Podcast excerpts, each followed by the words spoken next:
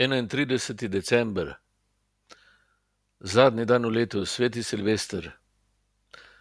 Zdravilno in osvobajajoče je, če lahko leto zaključimo z zahvaljevanjem. Običajno smo se zbrali za ta dva dni in leto zaključili z Mašo, pogledom nazaj, zahvalo in eh, pogledom naprej. To je najbolj enostaven način, da naše srce oživi in se ukrepi zadiha, znova spregleda, se razveseli in dobi novo moč. Vsak dan preteklega leta nam je Bog podaril, z vsem, kar je. E, nam podarja tudi Kristusovo polnost, to, da smo ljubljeni sinovi in hčere v sinu e, in lahko vsak hip Boga kličemo za očeta, za mamo in zajemamo iz njegove zvestobe, njegovega veselja nad nami, njegove ustvarjalnosti, njegove korajže, njegovega odpuščanja, njegovega sočutja, iz tega, da smo njemu dragoceni. In zato se na koncu leta zahvaljujemo, da se nam podarja glede na naše potrebe, ne glede na naše zasluge in kaprice in želje. Uh, po vsem in vseh se nam podarja. Še posebej nam je pa blizu preizkušnja bolezni, stiske, osamljenosti, trpljenju, ko smo nemočni, Bog ne povzroča tega, to je posledica naših drž in načina življenja, pa tega, kar verjamemo. On nas v tem lovi, zdravi, oživlja. Samo če mu dovolimo, če se mu upamo odpreti in zaupamo njegovi prihodnosti, iz katere zajemamo pri vsaki Euharistiji, eh, za svojo sedanjost, zajamemo iz Božje prihodnosti. To je bistvo Maše to, kar starša delata pri mizi z otroci. Uh, glavna milost,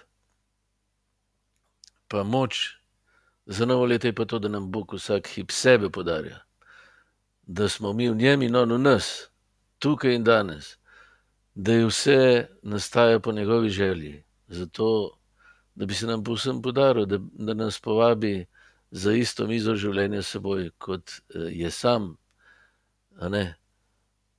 z sinom in v svetem duhu.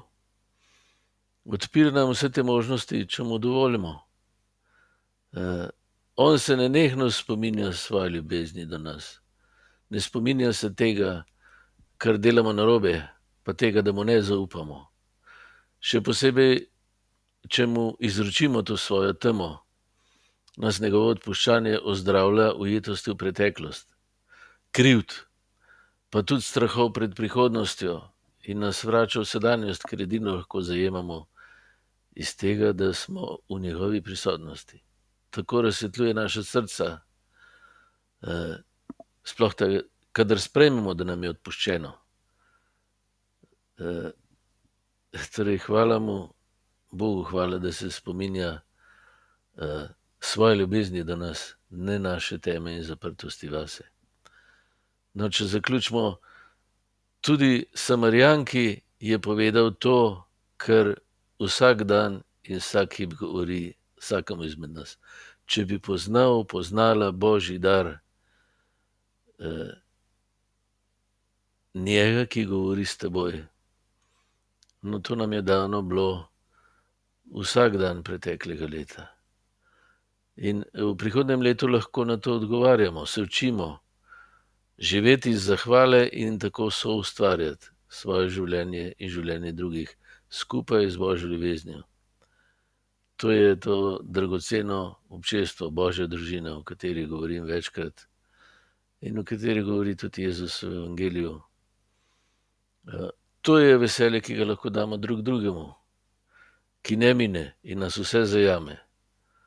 V nobenih težavah, stiskah in strahovih se nam ni treba utapljati blagoslovljeno 2021 vsem in vsakemu posebej.